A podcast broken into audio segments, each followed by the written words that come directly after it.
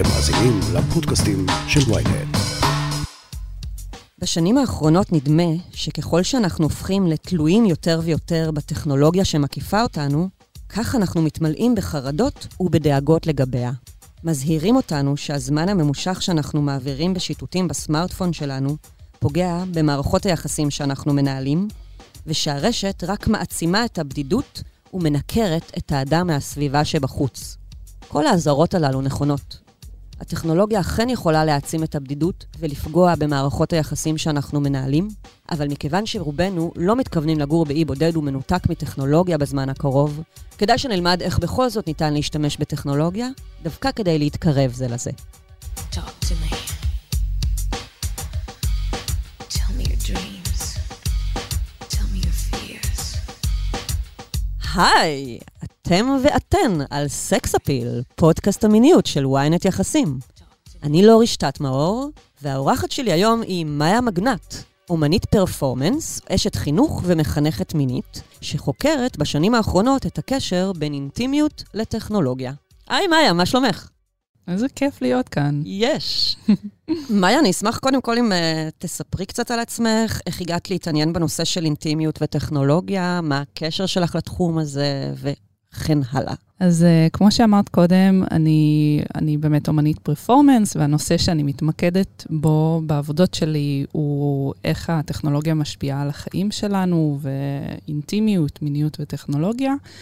אני גם uh, סטודנטית uh, לתואר שני בטכנולוגיות בחינוך, ואני גם חוקרת את הנושאים האלה במסגרת התואר שלי, וגם בתור מחנכת מינית אני עוסקת בנושאים האלה, אז בעצם אני משלושה כיוונים ככה סוקרת את הנושא.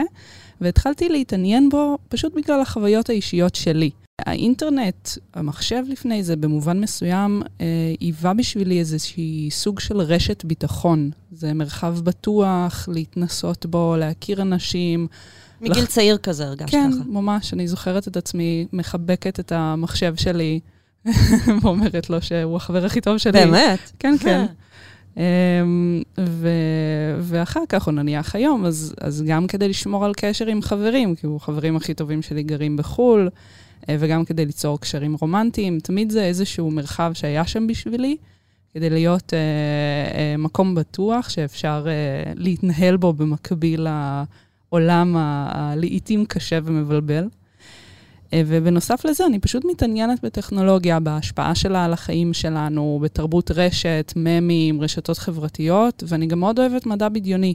ואני מאמינה שהסרטים, ספרים שעוסקים בעתיד או בטכנולוגיה של העתיד, הם כלי ממש חשוב שעוזר לנו לדמיין את העתיד ולהתכונן אליו. אז התחלתי mm. לשלב את הנושאים האלה בעצם ביצירה שלי, ביצירה אומנותית. לעשות עבודות שנוגעות בקשר בין אנשים וטכנולוגיה, וספציפית, איך אנשים יוצרים קשרים ברשת, האם אפשר להתאהב אונליין, איך חווים מיניות דרך הרשת. ואז הלכתי ללמוד אה, להיות מחנכת מינית, כדי שאני אוכל להתעסק בנושאים האלה בצורה יותר מקצועית, ולא רק דרך אומנות. מעניין. כן, וזה בעצם תמיד עניין אותי בתור תופעה תרבותית. אני חושבת שזו תופעה תרבותית מרתקת, כי היא מעלה המון שאלות על איך אנחנו תופסים אינטימיות, איך אנחנו תופסים כאילו יחסים, איך אנחנו תופסים אהבה. זה, זה מערער את כל מה שאנחנו חושבים על הנושאים האלה, ומציב uh, סימן, סימני שאלה מתחתיהם. אז מה זה באמת אה, אינטימיות מבחינתך? איך את מגדירה את זה? אז אה, אינטימיות היא מושג קצת מעורפל, אין בעצם איזושהי הגדרה אחת שבאמת אה, סוקרת מה זה אינטימיות. אה, אני אוהבת אה, איזושהי הגדרה של אה, אדגר לוינסון, שמדבר על אינטימיות בתור תהליך הדדי, בתוך יכולת לחשוף את הצדדים הכי אישיים שלי, את החלומות שלי, את הפחדים שלי, את הרגשות שלי. אבל גם לקבל ולהקשיב לצדדים האלו אצל האחר. אז בעצם איזשהו תהליך שקורה לאורך הזמן, שבו אני הופך את הצד הכי פנימי שבי למוכר, ל- לידוע, ו- ואנחנו שנינו לומדים, מכירים אחד את השני לעומק, ויוצרים מצב של, של ביחד, של togetherness. ואסתר פרל אה, כותבת בספר של האינטליגנציה האירוטית, ש... שהיא יועצת זוגית מאוד מפורסמת כן, כן. ונחשבת. שאינטימיות קיבלה הכרה בתור צורך רק כשנעשה יותר קשה לממש אותה. זאת אומרת, ברגע שהתחילה התיעוש והמעבר שלנו לעיר והעבודה בעיר ובעצם הניתוק מהמשפחה, אנשים התחילו להרגיש יותר בודדים, כי הם כבר לא היו גרים בבית עם uh, כל המשפחה שלהם ונמצאים כל הזמן באותו חדר. ו- ואנשים נעשו יותר מנותקים, יותר זקוקים לקשר משמעותי, והאינטימיות הפכה לתשובה העיקרית לחיים האלה היותר מבודדים. והיא גם מדברת על זה שאנחנו מחפשים ורוצים מאוד אינטימיות, אבל הצורה בה אנחנו מבינים אותה נעשית צרה יותר. זאת אומרת, אנחנו מחשיבים היום את התקשורת המילולית יותר מהכל. אנחנו חושבים שזאת הדרך היחידה שבה אנחנו יכולים לחשוף, אמרנו לחשוף את הצדדים הפנימיים ביותר שלנו, אה, להעביר את המהות שלנו באופן הכי מדויק, רק דרך מילים, ולא דרך הגוף, תחושות פיזיות, קרבה, מגע לדוגמה.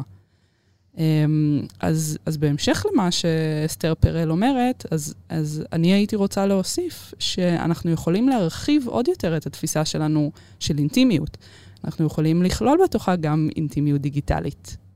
אוקיי, אז מה זה בעצם, מה ההבדל בין אינטימיות פיזית לאינטימיות דיגיטלית? אז אינטימיות פיזית היא קורית בעולם האמיתי. אתם לא יכולים לראות, אבל אני עושה גרשיים, mm-hmm. כן? זה, זה איך שאנחנו רגילים לקרוא ל, למציאות הפיזית שלנו. שמחוץ למחשב, העולם האמיתי, נכון. כן. אז uh, היא קורית במפגש פנים אל פנים, והיא יכולה לבוא לידי ביטוי בשיחה, במגע, בשפת גוף. Uh, ולעומת זאת, אינטימיות דיגיטלית מתקיימת כשאנחנו נמצאים אונליין, ואנחנו לא רואים או מרגישים אחד את השני. זאת קרבה שיכולה להיווצר דרך התכתבות, דרך שיחת וידאו, דרך משחק מחשב שמשחקים בו ביחד, דרך רשתות חברתיות או כל אמצעי טכנולוגי אחר. והרבה אנשים יגידו שאי אפשר להשוות אינטימיות דיגיטלית אה, לאינטימיות פיזית. כאילו, אינטימיות דיגיטלית זאת לא אינטימיות אמיתית. כי אינטימיות בהכרח צריכה לכלול מגע, מבט עיניים, ריח. את החושים בעצם את, שלנו. את החושים, את כל המאפיינים שיש לנו בשיח פנים אל פנים, ומה לעשות, אין לנו אותם ברשת. ובגלל זה אין באמת אה, מקום, ל... אין אפשרות לאינטימיות אמיתית אונליין. ויש בזה משהו נכון, נכון, הוא מפגש פיזי, הוא ייחודי. אנחנו לא יכולים לשחזר אותו ברשת. Um, ובגלל זה יש תפיסה של אינטימיות דיגיטלית כפחות טובה, כסוג של תחליף זול לאינטימיות פיזית. והטענה שלי היא שסוגים שונים של אינטימיות לא צריכים לסתור אחד את השני, או לבוא על חשבון אחד, על חשבון אחד על השני. אחד של השני. כן. אמ, אם יש לנו כמה דרכים שונות להגיע לאינטימיות, לאינטימיות, כמה רמות שונות של אינטימיות, למה שלא נשתמש בהם? יש אנשים שיתאימו להם דרכים שונות, חלק ירצו לשלב. זה לא אומר שאינטימיות דיגיטלית היא פחות טובה מפיזית, היא פשוט עם מאפיינים אחרים. היא יכולה להיות אולי להתכתב עם מישהו חדש שאנחנו מכירים, או, או לישון ביחד בשיחת אה, וידאו, זוגות שנמצאים ממרחק נניח, אה, לשחק במשחק מחשב עם חברים מרחוק, להיות חלק מאיזושהי קהילה שמשמעותית לך בפייסבוק, לקרוא פוסט שמזיז לך משהו בגוף כי הוא מרגש אותך, אה, ואולי גם לעשות sexting עם מישהו, להרגיש איך המילים שלו או שלה ממש גורמות לך אה, לתחושות פיזיות, מעירות את הגוף שלך. זה שזה לא אותה סוג של אינטימיות שאנחנו מכירים, לא אומר שהיא פחות טובה, mm-hmm. לא אומר שהיא פחות חשובה, שהיא פחות עוזרת. או פחות אמיתית, בדיוק, לצורך העניין. בדיוק. Um, אנחנו די מוקפים בשיח של אזהרות, שיח שלילי כזה. מזהירים אותנו שהטכנולוגיה הרסנית לקשרים הזוגיים שלנו, שאנחנו מסתכלים יותר מדי זמן על המסך ולא על הבן או בת זוג שלנו. אה, שאנחנו עלולים להתפתות לריב דרך הוואטסאפ, ואז אנשים לא יבינו את הטונציה של המילים שהתכוונו אליהן. אה, שנורא קל בעצם לטעות דרך הרשת, ו- או, או לבגוד מבחינה רגשית, בגידה וירטואלית, מה שנקרא, שהיא נורא נפוצה היום. אז האם באמת הטכנולוגיה הרגה את האינטימיות? אה, אנחנו באמת רגילים לחשוב על טכנולוגיה בתור משהו שמרחיק אותנו אחד מהשני, שפוגע ביחסים שלנו. בין אם דרך ההשפעה של הטכנולוגיה על יחסים שלנו עם אחרים, או בקשרים שנוצרים דרך אמצעים טכנולוגיים. כאילו, אלו שתי דרכים שאינטימיות דיגיטלית יכולה להיווצר בהם. עכשיו, אינטימיות וטכנולוגיה זה סוג של פרדוקס. אה, פרופסור שרי טרקל קוראת לתחושה שנוצרת כשאנחנו מנסים להשתמש במסכים כדי לתקשר כלבד ביחד, alone together. מה זה אומר? אז מצד אחד אנחנו מרגישים uh, מחוברים, קרובים אחד לשני, ובו זמנית אנחנו בעצם יושבים לבד בחדר. אה, ועל פי פרופסור אהרון בן זאב, אה, התקשורת ברשת יוצרת סוג חדש של אינטראקציה בין אישית, כזאת שהיא גם קרובה וגם רחוקה בו זמנית. התקשורת הזאת, היא כוללת תכונות שביומיום, ביחסים יומיומיים, הן נחשבות מנוגדות. הן לא, הולכים, לא הולכות ביחד, אבל ברשת אנחנו רואים אותן מתקיימות אחת לצד השנייה.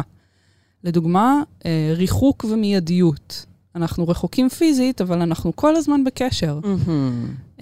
תקשורת שהיא דלה מצד אחד, נכון? כי היא רק טקסטואלית ברובה, ומצד שני היא נורא עשירה, כי היא כוללת את כל השפה האנושית, והיא כוללת אימוג'ים, והיא כוללת תמונות. אמ, יש לנו אנונימיות לצד חשיפה עצמית. Mm-hmm. מצד אחד שומרים עלינו, כן, באיזשהו מאחורי המסך, מצד שני זה המקום שאנחנו לפעמים מרגישים הכי, נוח, הכי בנוח להיחשף בו. אה, דווקא לנו... בגלל שלא רואים אותנו, ואנחנו יכולים באמת אה, לספר דברים, נגיד, שלא... שפחדנו לספר ל, ל, ל, ל, לקרובים אלינו. בדיוק, אנחנו מרגישים בנוח להיחשף בגלל שאנחנו מאחורי מסך, מאחורי מסכה. אה, אנחנו רואים הונאה אה, לצד המון כנות, mm-hmm. אנחנו רואים השקעה פיזית שהיא מועטה, נכון? כי אנחנו לא נמצאים ביחד לעומת השקעה שהיא נפשית מאוד גדולה. אז יש כל מיני ניגודים שנפגשים ביחסים האלה. ובן זאב בעצם אומר שאנחנו יודעים איך להתמודד עם יחסים אה, פיזיים, אמיתיים אה, לכאורה. אבל קשה לנו יותר להתמודד עם יחסים וירטואליים, כי זה פשוט סוג חדש, ייחודי, של מערכת יחסים, אז אנחנו לא כל כך יודעים עדיין מה לעשות עם זה. הוא גם נכפה עלינו באיזשהו מובן, זאת אומרת, פתאום האנושות עברה קדימה, עכשיו אנחנו מוקפים במסכים, עכשיו לכולנו יש סמארטפון, לכו תתמודדו. לגמרי. בעצם זה הופך את כולנו בצורה מסוימת לחוקרי אינטימיות. Mm-hmm. כי כולנו נכון. פתאום צריכים לחשוב איך להשתמש בכלים החדשים האלה כדי לתפקד, כדי לשמור על הקשרים שלנו, כדי ליצור קשרים חדשים. כולנו, אה, כן, מדענים באיזשה, באיזשהו מובן יומיומי כזה. אז, אז אני חושבת שאי אפשר לדבר על טכנולוגיה אה, דיגיטלית כמה שהורג את האינטימיות, כי המצב הוא פשוט הרבה יותר מורכב מזה. נכון, יש דברים שיכולים לפגוע באינטימיות שלנו, אנחנו צריכים להיות מודעים לזה, אנחנו צריכים להגן על הקשרים בחיים שלנו, לשים גבולות, לשמור על עצמנו. מצד שני, האופן שבו אנחנו בוחרים להשתמש במכשירים שלנו, יכול גם לעזור ליצור אינטימיות, להיות כלי משמעותי בתקשורת שלנו עם אנשים אחרים. וגם בגלל שהקשר שלנו עם המכשירים סביבנו רק הולך להתהדק עוד יותר עם הזמן. נכון. אנחנו הולכים להיות יותר תלויים בטכנולוגיה, כי הדיון על אינטימיות וטכנולוגיה צריך לעבור שינוי. להפסיק להפחיד, לדבר על המשמעויות השליליות כל שבוע, לפרסם כתבות מפחידות על איך uh, סמארטפונים הולכים להרוס לנו את החיים. אנחנו חייבים למצוא דרכים להשתמש בטכנולוגיה כדי לקדם אינטימיות, לקדם אמפתיה, לקדם מיניות בריאה, לדבר על מה כן ולא רק על מה לא. יפה. להתחיל לדמיין אפשרות שבה הטכנולוגיה מסייעת לנו להכיר, להתקרב, להתרגש אחד מהשני, להתאהב, אה, ולחוות חוויות שלא היינו יכולים לחוות באופן אחר. אז אלה, איזה למשל חוויות אנחנו לא יכולים לחוות באופן אחר? אמ, אז אה, קודם כל יש לנו כלים טכנולוגיים ש, שמאפשרים לנו באמת סוג אחר של חוויה, וגם במובן הכי פשוט. זה שהחברים שלנו, המשפחה שלנו, האהובים שלנו, נמצאים בכיס שלנו כל היום, ואנחנו יכולים כל היום להתכתב איתם, וכל היום שהם יהיו חלק מהחיים שלנו, זה כבר מספק חוויה אחרת. כי, כי אין לזה מקבילה, כאילו, בעולם האמיתי, אלא אם כן כל החברים והמשפחה שלנו פשוט יסתובבו סביבנו 24 hours, שזה לא בדיוק אפשרי. כן, אנחנו כבר לא חיים בשבט, שכולם ביחד באותו בית, והסמארטפון פתאום כן שבר את החומות האלה ואת ה... כביכול את הקרבה הגיאוגרפית, הוא הפך אותה לקרבה מאוד קצרה. ממש. בתחושה שלנו לפחות. כן, ממש. אז uh, זה נניח משהו מאוד פשוט ש, שאני חושבת שרובנו חווים במידה מסוימת. אבל אז יש לנו כלים כמו uh, מציאות מדומה, שממש מאפשרים לנו uh, לחוות איך זה להיות אדם אחר, לדוגמה, או לחוות מציאות אחרת. את יכולה כזה להרחיב לגבי זה? כן, um, אז uh, בעצם מציאות מדומה זה קודם כל איזושהי סביבה שהיא, שהיא אימרסיבית, וירטואלית, ברגע שאני שם את, ה, את המשקפיים של המציאות המדומה, אז אני רואה את עצמי בתוך איזשהו עולם אחר, בין אם מצולם, בין אם באנימציה. ו, ואני גם מרגיש um, הזדהות עם הדמות שאני רואה. זאת אומרת, אם אני רואה את ידיים, אז אני מרגיש שאני חלק בתוך העולם האחר הזה. ואז אה, איזשהו כלי שמאפשר לנו באמת לחוות חוויות שונות. זאת אומרת, כשאני נמצא בעולם, אה, בעולם אה, אחר, שהגוף שלי לא באמת נוכח, לו, נוכח בו, איך אני מרגיש מגע. נניח מישהו נוגע בי כשאני, כשאני עם, עם המשקפיים שלי, מישהו שלא באמת נמצא לידי. אז, אז איך, האם הגוף שלי מגיב למגע הזה? האם אני מרגיש הזדהות עם מה שאני רואה? ויש כל מיני ניסויים ופרויקטים אומנותיים שמנסים לחקור את, ה, את העולם הזה של מציאות מדומה, ואיך. יש לך כזה יכולים... דוגמאות לספר על, על כמה פרויקטים כאלה? גם את עשית, גם לך יש נגיעה בזה בעצמך. נכון, אני עבדתי על סדרה של ניסויים סלש אה, מופעים יחד עם אה, דניאל לנדאו, שחוקר את הנושא של אה, מציאות מדומה. ובעצם מה שאנחנו ניסינו לחקור זה את הנושא של זהות. כשאת נמצאת בתוך החוויה הזאת, האם את מזדהה עם הדמות שאת רואה? כאילו, את רואה ידיים, האם את מרגישה שהן הידיים שלך? ויצרנו חוויה, לדוגמה, שבה את, שבה את נפגשת עם עצמך. את נכנסת לחדר, יושבת מול עצמך, ואת רואה את עצמך, מה שיצר איזושהי חוויה, לדוגמה, הנה, חוויה שאת לא באמת יכולה לחוות אותה במציאות. של הזרה כזה? אנשים פתאום הסתכלו על עצמם ותפסו את עצמם בצורה שונה מאיך שהם היו רגילים? לזאת הכוונה? אז אנשים תפסו את זה בדרכים שונות לגמרי. היו כאלה שזה כמובן החריד אותם, כי פתאום הם רואים את עצמם בצורה שזה שונה מאיך שאת רואה את עצמך בווידאו או במראה, שזה דו-מימדי. Mm. את באמת רואה את עצמך כאילו בצורה קצת יותר תלת-מימדית, נכנסת לחדר ומתיישבת מול עצמך.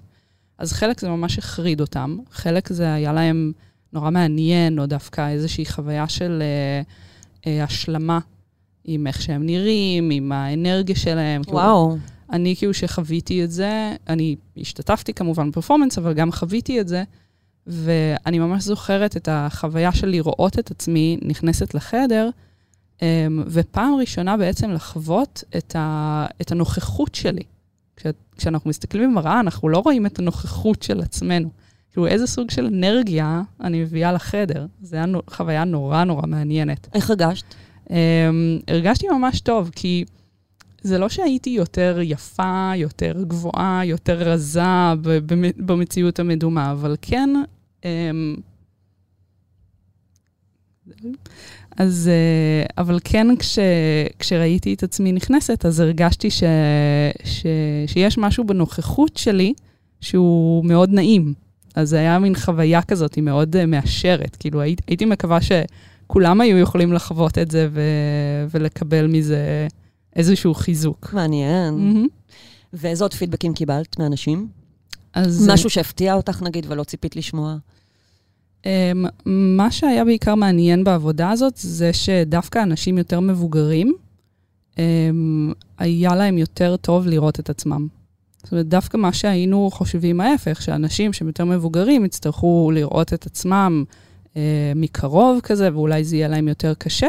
ודווקא להם היו רגשות הרבה יותר חיוביים לגבי הפגישה הזאת, כאילו הרבה יותר השלמה, הרבה יותר mm. קבלה של עצמם. Mm-hmm, mm-hmm. אני חושבת שזה דווקא מאוד אופטימי בשבילנו. דווקא לאנשים הצעירים היה הרבה יותר קשה לראות את עצמם. אולי באמת בגלל שהם לא עברו את השלב הזה של ההשלמה העצמית הזאת, או mm-hmm. להרגיש יותר נינוחים עם עצמם. בדיוק. אז, אז הנה דוגמה לאיך ממש מציאות מדומה מאפשרת לנו לחוות חוויה שבחיים לא היינו יכולים לחוות אותה אחרת. מציאות מדומה גם יכולה לעזור לנו להרגיש שאנחנו במגדר אחר, או לה, להבין איך מרגיש אדם בעל מוגבלות, למשל. יש לך דוגמאות לדברים כאלה?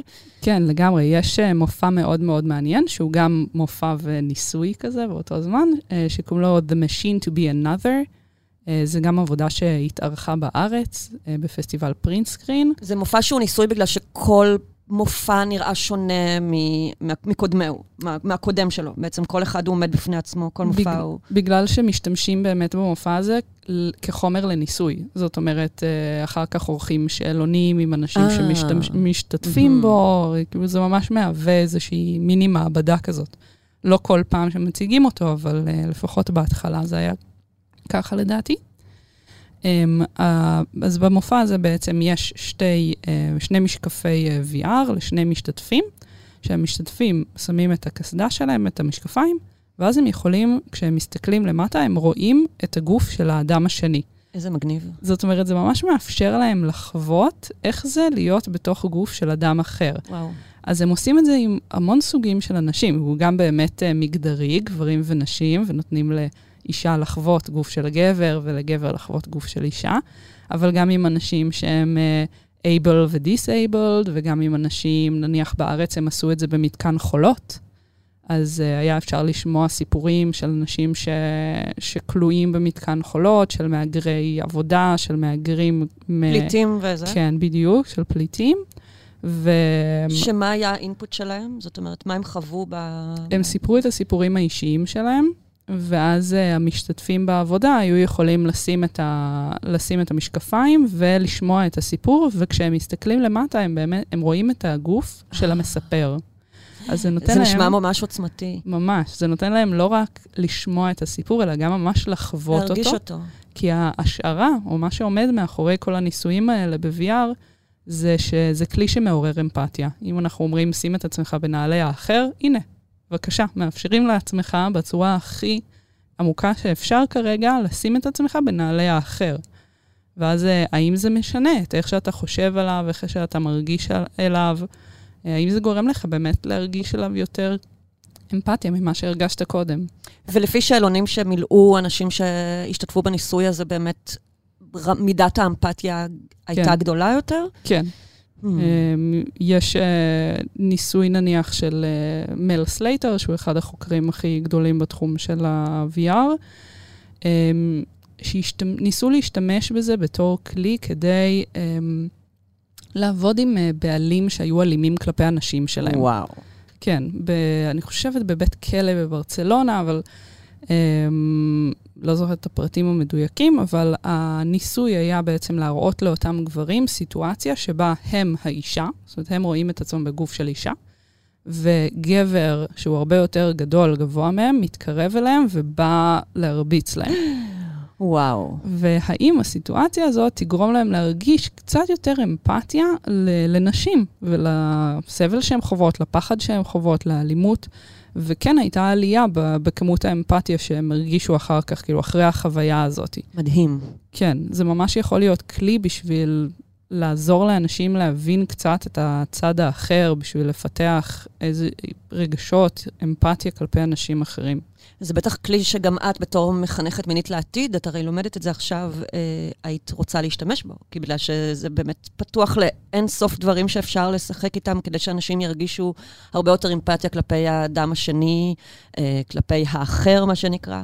ממש, זה יכול להיות כלי מצוין גם בשביל זה, וגם כדי, אה, את יודעת, אחד מהדברים הכי יעילים, בטח בחינוך מיני ובכלל כשמנסים ללמוד משהו, זה סימולציות.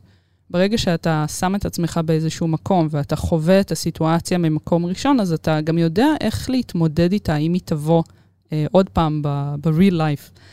אה, אז זה יכול להיות כלי ממש טוב, ובאמת משתמשים בו, בעיקר, כאילו יש שימושים בו כרגע כדי אה, להכשיר... אה, עובדים נגד הטרדה מינית במקומות עבודה. יש כמה חברות שעושות אה, כאלה דברים. כדי שהם יוכלו לחוות על בשרם מה מרגישה אישה שמוטרדת? Um, לאו דווקא בהכרח, אלא יותר איך להתנהג במקרה שהם רואים הטרדה אה. בחברה שלהם. מה, מה הם היו בוחרים לעשות? יש כל מיני אופציות, הם צריכים להחליט, mm-hmm. הם רואים מקרה של הטרדה שקורה ו- וצריכים לחשוב איך הם מגיבים אליו. אה, אז, אז לגמרי היה אפשר לעשות את אותו דבר גם עם תלמידים, גם בבתי ספר, בכל מקום שאנחנו רוצים לדבר על, אה, על מיניות בריאה. מאוד מעניין. אה, מה תמליץ לבני זוג, למשל, שרוצים להשתמש בטכנולוגיה כדי להעצים את האינטימיות ביניהם? אז קודם כל הייתי, הייתי ממליצה להסתכל באופן ביקורתי על האופן בו אנחנו משתמשים בטכנולוגיה בתוך מערכת היחסים. אה, לדוגמה, איך אנחנו מתכתבים, שוב, במובן הכי פשוט. האם אנחנו שולחים אחד לשני וואטסאפים רק כדי להגיד שכחת את החלב, כי הוא בוא תקנה אותו וזה, או שהתקשורת המקוונת משמשת גם כדי להביע אהבה, לחזר, לפתות, לשחק אחד עם השני. הדבר השני הוא כמובן לשמור על הגבולות. אמרנו כבר שהפלאפון הוא, הוא לוקח לנו תשומת לב, אנחנו חושבים שאנחנו יכולים לעשות multitasking, אבל אין באמת דבר כזה multitasking. הקשב שלנו מחולק ואנחנו לא נותנים לבן בת הזוג את, ה, את כל הנוכחות שלנו. אז, אה, אז לשמור על הגבולות שלנו, לשמור על זמן לבד בלי מכשירים, לשמור על זמן שבו אנחנו נותנים את כל ההקשבה אחד לשני, ללכת לישון בלי פלאפון בחדר, כל הטיפים האלה, אמ, שהמכשיר לא יבוא על חשבון הצד השני. ומעבר לזה, יש כל מיני אפליקציות, אתרים, מכשירים שזוגות יכולים להשתמש בהם כדי להתקרב, כדי להעשיר את חיי המין שלהם, או פשוט לכיף. אהה. כמובן שזה לא קסם, כן? כאילו, זה לא שאם תשתמשו בזה, זה יציל את מערכת היחסים שלכם, לא. אה, אבל זה כן יכול להיות אה, מהנה, מלמד, ליצור חוויות חדשות. הדבר הראשון, והכי פשוט, הכי נגיש לכולם, זה כמובן sexting. זאת אומרת, sexting, התכתבות אה, בעלת אופי מיני, שליחת תמונות, שליחת סרטונים. זה יכול להיות מרחב נהדר לתרגל את התקשורת המינית, לגלות מה אנחנו אוהבים, להתנסות בדברים חדשים.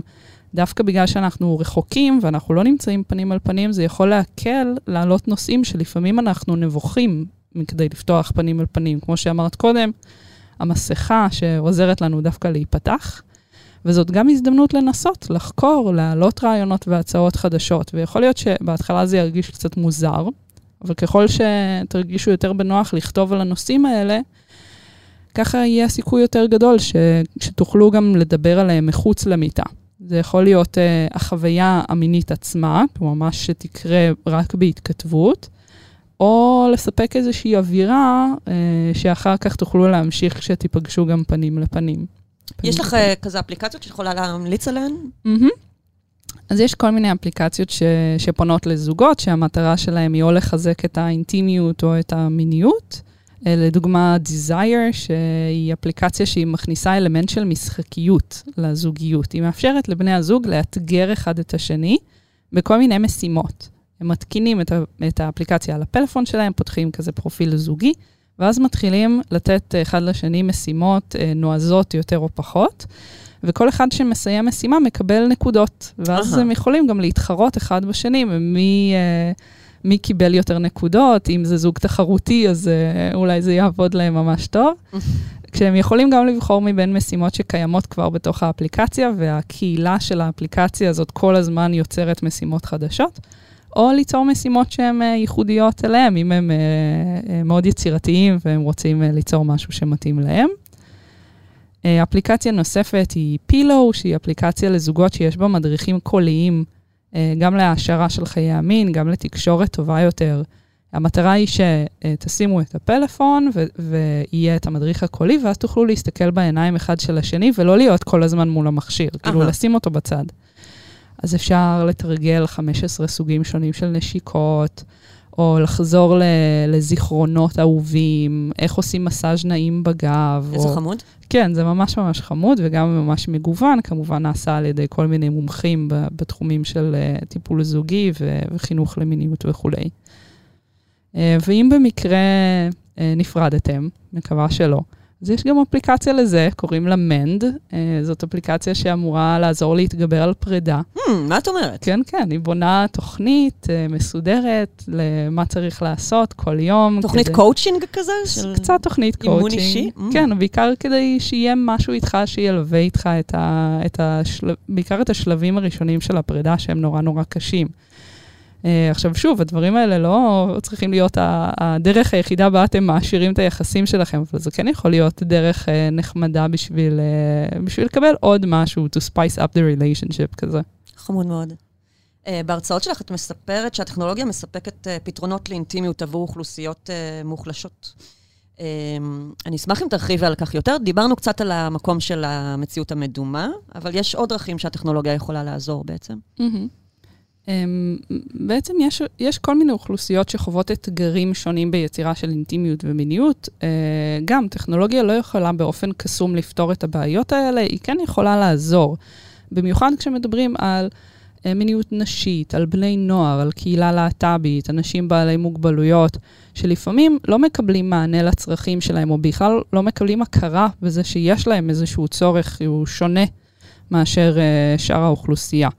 והחשיבות בהרבה מהפיתוחים האלה זה שהם גם נובעים או נוצרים, או לפחות מלווים על ידי אנשים מתוך האוכלוסייה. זאת אומרת, האנשים שהם בעלי הצורך, הם אלה שמייצרים גם את הפתרונות. אהה. או הם אלה שהם uh, מייעצים לפתרונות, או חלק מהעיצוב כן, שלהם. זה הכי הגיוני. לגמרי. אז uh, נניח אנשים בעלי מוגבלויות, יש להם כל מיני אתגרים ייחודיים. קודם כל, הם לא נתפסים כאנשים מיניים, או כאנשים שבכלל רוצים, צריכים, מסוגלים שתהיה להם אינטימיות בחיים. ובנוסף, יש להם קושי תנועתי, הם לא יכולים לנוע באותו אופן שאנשים uh, בלי מוגבלות יכולים לנוע בו. אז uh, לדוגמה, יכולים להיות אתגרים שונים בלמידה על מיניות, ויש כל מיני אפליקציות שעוזרות uh, ללמוד או לתת מידע על הנושא הזה. לדוגמה, uh, הסיפור של גבי, שהיא אפליקציה ישראלית uh, לחינוך מיני לילדים ומתבגרים עם צרכים מיוחדים. שמה, שמה קורה שם? ממש יש תכנים שאפשר ללמוד אותם על היגיינה אישית, על לשמור על הגוף, על uh, גבולות של uh, מגע, כל מיני תכנים שמותאמים לאוכלוסייה הזאת ולאופן שבו נוח uh, לצעירים עם uh, צרכים מיוחדים ללמוד. Uh, עוד פרויקט, קבוצה ממש נפלאה, היא הקהילה של אני נכה וסקסי בפייסבוק, קהילה שמנוהלת על ידי דני גרמייז. שזה איזשהו מרחב לאנשים עם מוגבלויות, לדבר על מיניות, לדבר על דימוי גוף באופן חופשי, באופן מרחב פתוח. בטוח כזה, שכולם אה, יכולים בעצם להרגיש בנוח, כי הם מוקפים באנשים שדומים להם יחסית. בדיוק, ולספר סיפורים, ולשאול שאלות, Mm. ולהתייעץ. ו- ולהעלות את כל הנושאים שחשוב להם לדבר. יש גם אתר, אתרי היכרויות, אתר היכרויות ישראלי לאנשים בעלי מוגבלויות, שקוראים לו לאו דווקא, שמאפשר לאנשים אה, מראש כאילו לדעת אה, איפה הם נמצאים, לכתוב את הפרופיל שלהם, לכתוב מה המוגבלות שלהם, ולמצוא אנשים ש... שמתאימים אה, להם ומחפשים בן זוג בעל, בעל מוגבלות.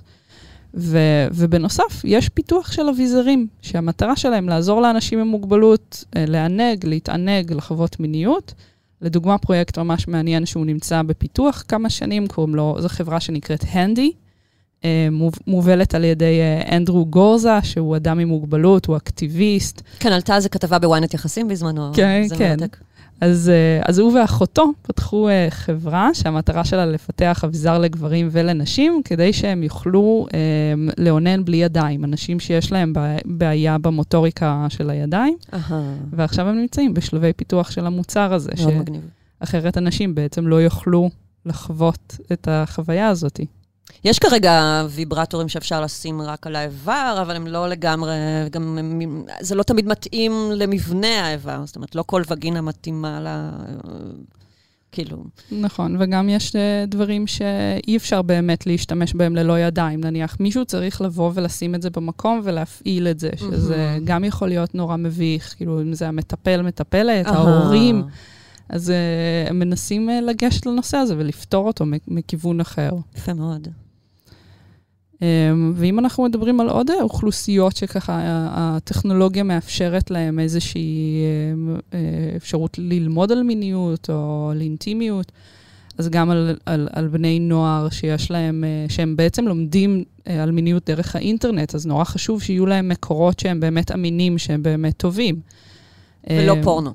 שהם לא פורנו, כן, שזה המקור העיקרי ללמידה על מיניות. אז, אה, אז אם אנחנו מדברים על משפיענים, על יוצרי תוכן, שהם אנשי מקצוע, שהם מדברים על מיניות ברשתות חברתיות, אה, לפלנד פרנטהוד יש אה, צ'טבוט בשם רו, שצעירים יכולים להתכתב איתו ולשאול שאלות שקשורות לנושאים האלה ולקבל תשובות אמינות, מקצועיות, ו- וככה הם יכולים בעצם להתכתב איתו בכל שעה ביום, מתי שהם נחמד. רוצים, בלי מבוכה. זה אתר כזה? מה זה הדבר הזה? זה אפליקציה, אה, זו אפליקציה. כי אפשר להיכנס דרך האתר של פלנט פרנטהוד העולמי, ו- ולפתוח אותה דרך הפלאפון ולהתכתב, וזה ככה נותן הרגשה של שיחה בעצם עם, אה, עם אה, מישהו שאתה יכול להרגיש בנוח לשאול אותו שאלות.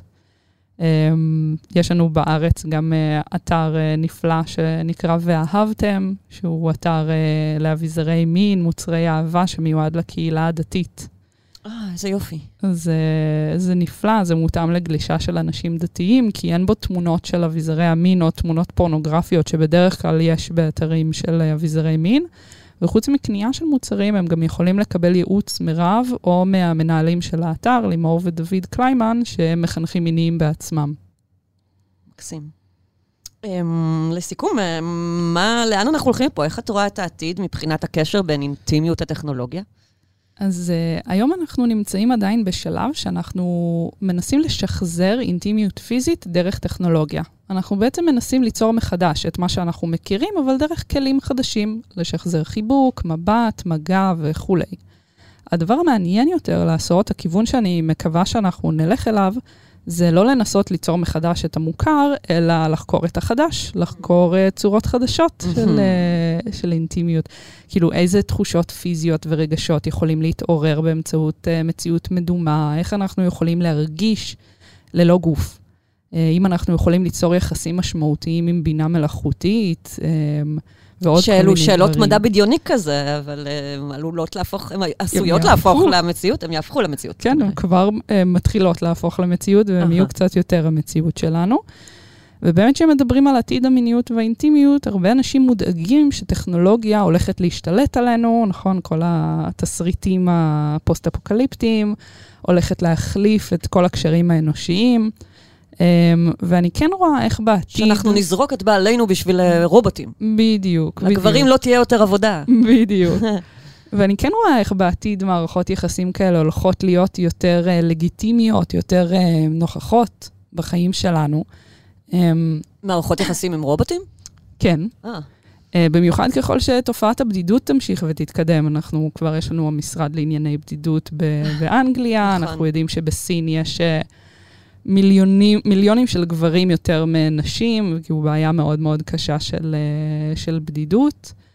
או ו... יפן, שיש ממש תופעה מוגדרת כזאת של הצעירים שלא יוצאים מהבית והם בחדר שלהם. בדיוק, וגם אוכלוסייה מבוגרת שבעצם אין מי שיטפל בה. והאוכלוסיות האלה יכולים אה, אולי לקבל איזשהו מענה למוצ... למצבים האלה, ששוב, נכון שאין שום תחליף ל... לתקשורת אנושית ולחיבה ולאהבה אנושית, אבל אינטראקציה כלשהי עדיפה על שום אינטראקציה, ואמפתיה כלשהי עדיפה על שום אמפתיה. ובסופו של דבר, אני, אני לא חושבת שיש, שיש סכנה שטכנולוגיה תחליף לגמרי אה, אינטראקציה אנושית. רוב האנשים עדיין מעדיפים לחוות אינטימיות ומיניות פנים אל פנים. כך שהתקווה שלי לעתיד היא לא שלכולנו יהיו מאהבים רובוטים, אלא ש... חבל. לפחות בינתיים, אלא שאנחנו נלמד איך להשתמש בטכנולוגיה בתור כלי להתקרב אחד לשני, לפתור בעיות של אינטימיות, כדי שאנשים יוכלו לייצר לעצמם את הפתרונות שהם זקוקים להם, להנגיש כלים, להנגיש מידע לאנשים שצריכים אותם. לאפשר לאנשים בודדים להרגיש יותר ביחד, ופשוט להגביר אינטימיות, להגביר מיניות בריאה בעולם. מאיה, את מדהימה. זה למסרים מדהימים והלוואי, לחלוטין. וואו, תודה. תודה רבה שבאת והתארחת כאן. תודה. זהו, עד כאן עוד פרק של סקס אפיל. אתן מוזמנות לעקוב אחרינו בספוטיפיי ובכל אפליקציית פודקאסטים שבא לכן עליה. את הפודקאסט הפיק ערן רחמני וערך רון טוביה. אני לא רשתת מאור, נשתמע בפרק הבא. ביי ביי. Talk to me. Tell me your dreams.